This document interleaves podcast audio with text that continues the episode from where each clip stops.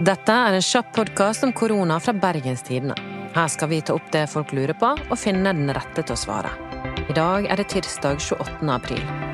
Hva er det vi må få svar på i dag, Henrik? Jo, pga. koronapandemien har oljeprisene i hele verden falt, og vi har et lavere forbruk enn det vi hadde før krisen slo inn. Men kan dette føre til en raskere grønn omstilling?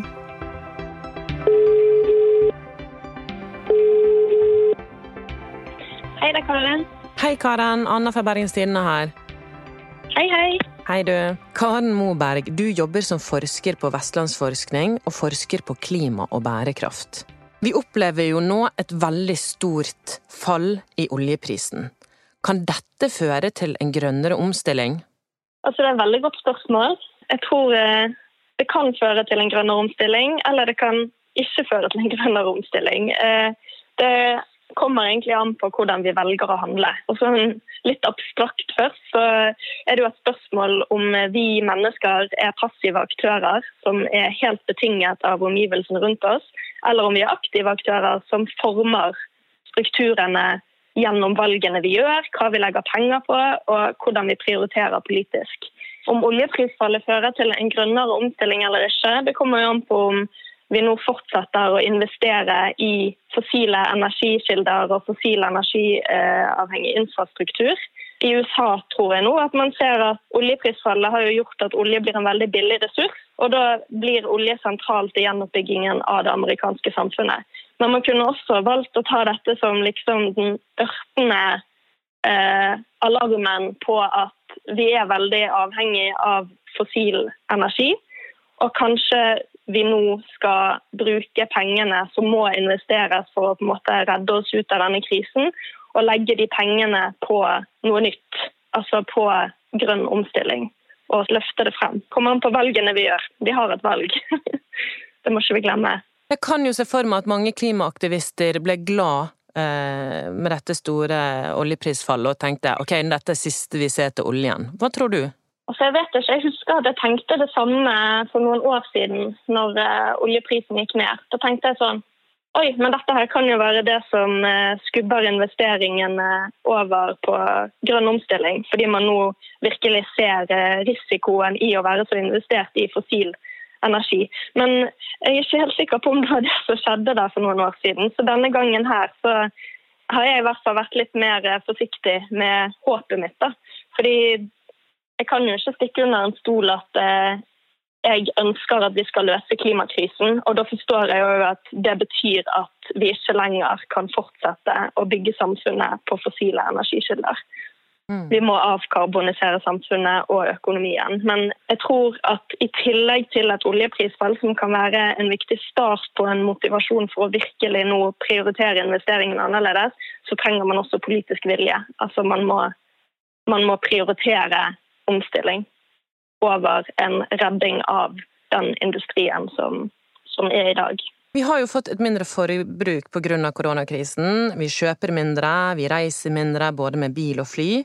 Og det har skjedd en stor endring i folk sine vaner, fordi vi har vært nødt. Det at forbruket har gått ned, har det en positiv effekt på klimaet vårt? Ja, det har i alle fall en kortsiktig positiv effekt. Fordi eh, altså, utslipp av eh, CO2 har eh, vært lavere enn hva de kanskje ellers ville vært. altså, Hvis vi hadde transportert oss eh, rundt eh, som normalt, som ellers er trenden. Og hvis all industriell aktivitet rundt omkring i verden hadde vært upåvirket. Så det har hatt en kortsiktig effekt. Men det interessante her som jeg tror vi skal fokusere på, det er jo hva blir den langsiktige effekten. Fordi det kommer helt an på, på hva vi gjør videre nå. Altså igjen, det er dette med med valget vi har da, på hvordan vi handler nå. Skal vi, når krisen er over, eh, returnere til det som var før, med like høy grad av mobilitet som i alle fall per dags dato er veldig fossilavhengig? Eh, eller skal vi eh, lære noe av dette? Og kanskje, kanskje har noen oppdaget at jeg trenger ikke reise så mye som jeg har gjort før. Og man trenger, Kanskje fungerer videokonferanser egentlig veldig bra eh, for mye møtevirksomhet, som man tidligere har flytta til store avstander for eh, med fossile transportmidler. Mm. Pandemien var jo en krise som kom veldig brått på, og folk har vist seg enormt tilpasningsdyktige og endret livene sine radikalt. Vi har jo ikke sett de samme endringene hos folk når det kommer til klimakrisen. Hva tenker du om det?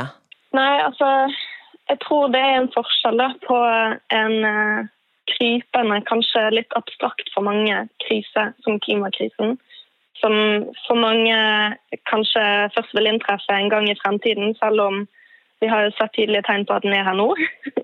Eh, og det som er en mye mer eh, ja, en brå start på en krise, da, sånn som korona har vært, som omtrent kommer over natten og som får eh, ekstrem eh, påvirkning på hverdagslivet til folk da, på veldig kort tid. Så jeg tror det er forskjell på de to krisene sånn sett, på hvor fort og sterkt de, de kommer, og hvor fort og sterkt man opplever at de kommer. Eh, det er jo ikke sånn med klima at bare helt plutselig over natten så får man 10 eh, av befolkningen som eh, ikke går på jobb. Det er ikke sagt at klima ikke vil påvirke disse tingene, men det vil nok skje over lengre tid. Et lengre tidsperspektiv enn hva vi har nå opplevd med korona. Men det som jeg synes er litt interessant, er at i 2018 så intervjuet vi husholdninger i Bergen om hva som skulle til for at de skal legge over til et forbruk som er eh, mer kompatibelt med klimamålene i Parisavtalen. Og da var det en som sa at tredje verdenskrig må nok bryte ut før de for alvor ville redusere flyreisene til sin husholdning. Og så to år seinere så får vi en pandemi. og da lurer jeg, og den har jo i hvert fall kortsiktig ført til at det ikke er så veldig mange som farter mellom byer, land og kontinent med fly som før, i hvert fall akkurat nå. Og da lurer jeg jo litt på hva langsiktig endring eh, dette potensielt kan ha da, på folks eh, forhold til eh, det man må kunne kalle hypermobilitet. Kan koronakrisen være en gave til klimakrisen? Det vet jeg ikke. Jeg tror det kommer litt an på hvordan man ser på det. Men koronakrisen har jo veldig alvorlige negative konsekvenser for veldig mange. Så det er litt vanskelig å se på det som en gave til, eh, til klimakrisen, annet enn at man kan håpe at man når dette er over, og nå mens vi står i det, trekker noen uh, viktige uh, lærdommer fra det. Da. Altså som at kan vi nå lære oss at vi klarer å ha verdifulle liv med en lavere grad av mobilitet? Og kan det kanskje være sånn at vi at myndighetene opplever at det monner å, og, på en måte gripe inn. At de har virkemidler de kan bruke som jo griper litt inn i individets frihet. Men uh, når problemet regner som stort nok, sånn som man har gjort i koronasammenheng, da, uh, så får man jo likevel ganske stor oppslutning og støtte i befolkningen når man kommer med inngripende virkemidler. Og det er antageligvis i klimasammenheng litt inngripende virkemidler som er medisinen. Men eh, klima og korona er jo veldig forskjellig i at eh, en lavkarbonverden er jo ikke en sosialt distansert verden. Og det trenger heller ikke være en verden hvor eh, økonomien stopper helt opp og folk går inn i arbeidsløshet og det blir mørke tider. Da. Hva mener du med det? Nei, jeg mener jo at nå med korona så ser man at, at vi antageligvis står foran en ganske alvorlig økonomisk resesjon. Det er det Det internasjonale pengefondet i alle fall eh, spår. Det kommer an på hvor lenge det varer. Det er veldig mye usikkerhet. Det kan man jo ikke si for gitt. Men vi vet jo at med resesjoner så fører det til inntektsnedgang og kanskje arbeidsløshet, og det får veldig alvorlige konsekvenser for veldig mange. Men med klima så har vi jo på en måte luksusen at vi vet at det kommer, vi vet at vi må gjøre noe. Og hvis vi begynner tidlig nok, så kan vi altså, legge kortene på en sånn måte at vi ikke trenger å havne i en situasjon hvor det plutselig blir et kjempesjokk på økonomien. Hvis vi tar grep tidlig. Um, det er det jeg mener. Vi vet at klimaendringer vil, ha, vil koste dyrt, det vil få alvorlige konsekvenser. Det vil bli dyrt for samfunnet. Men det er antageligvis det vil bli dyrere jo lenger vi venter med å ta eh, drastiske tiltak. Skjønner. Og jo tidligere man begynner å, å bygge opp om eh, lavfossil infrastruktur og lavfossile komponenter av samfunnet, eh, jo mer kan man jo håpe at man unngår en eh, veldig, veldig, veldig alvorlig eh, impact på økonomien og på folk sine liv. Da. At man likevel kan bevare sosial rettferdighet og livskvalitet i det hele for flest mulig. Tusen takk for praten, Karen. Det var veldig interessant. Ha det godt. Takk i like måte. Ha det bra. Hei. Vi er tilbake i morgen onsdag med et nytt spørsmål. Følg med på BT sin løpende koronadekning på bt.no. Mitt navn er Anna Magnus, og produsent var Henrik Svanvik.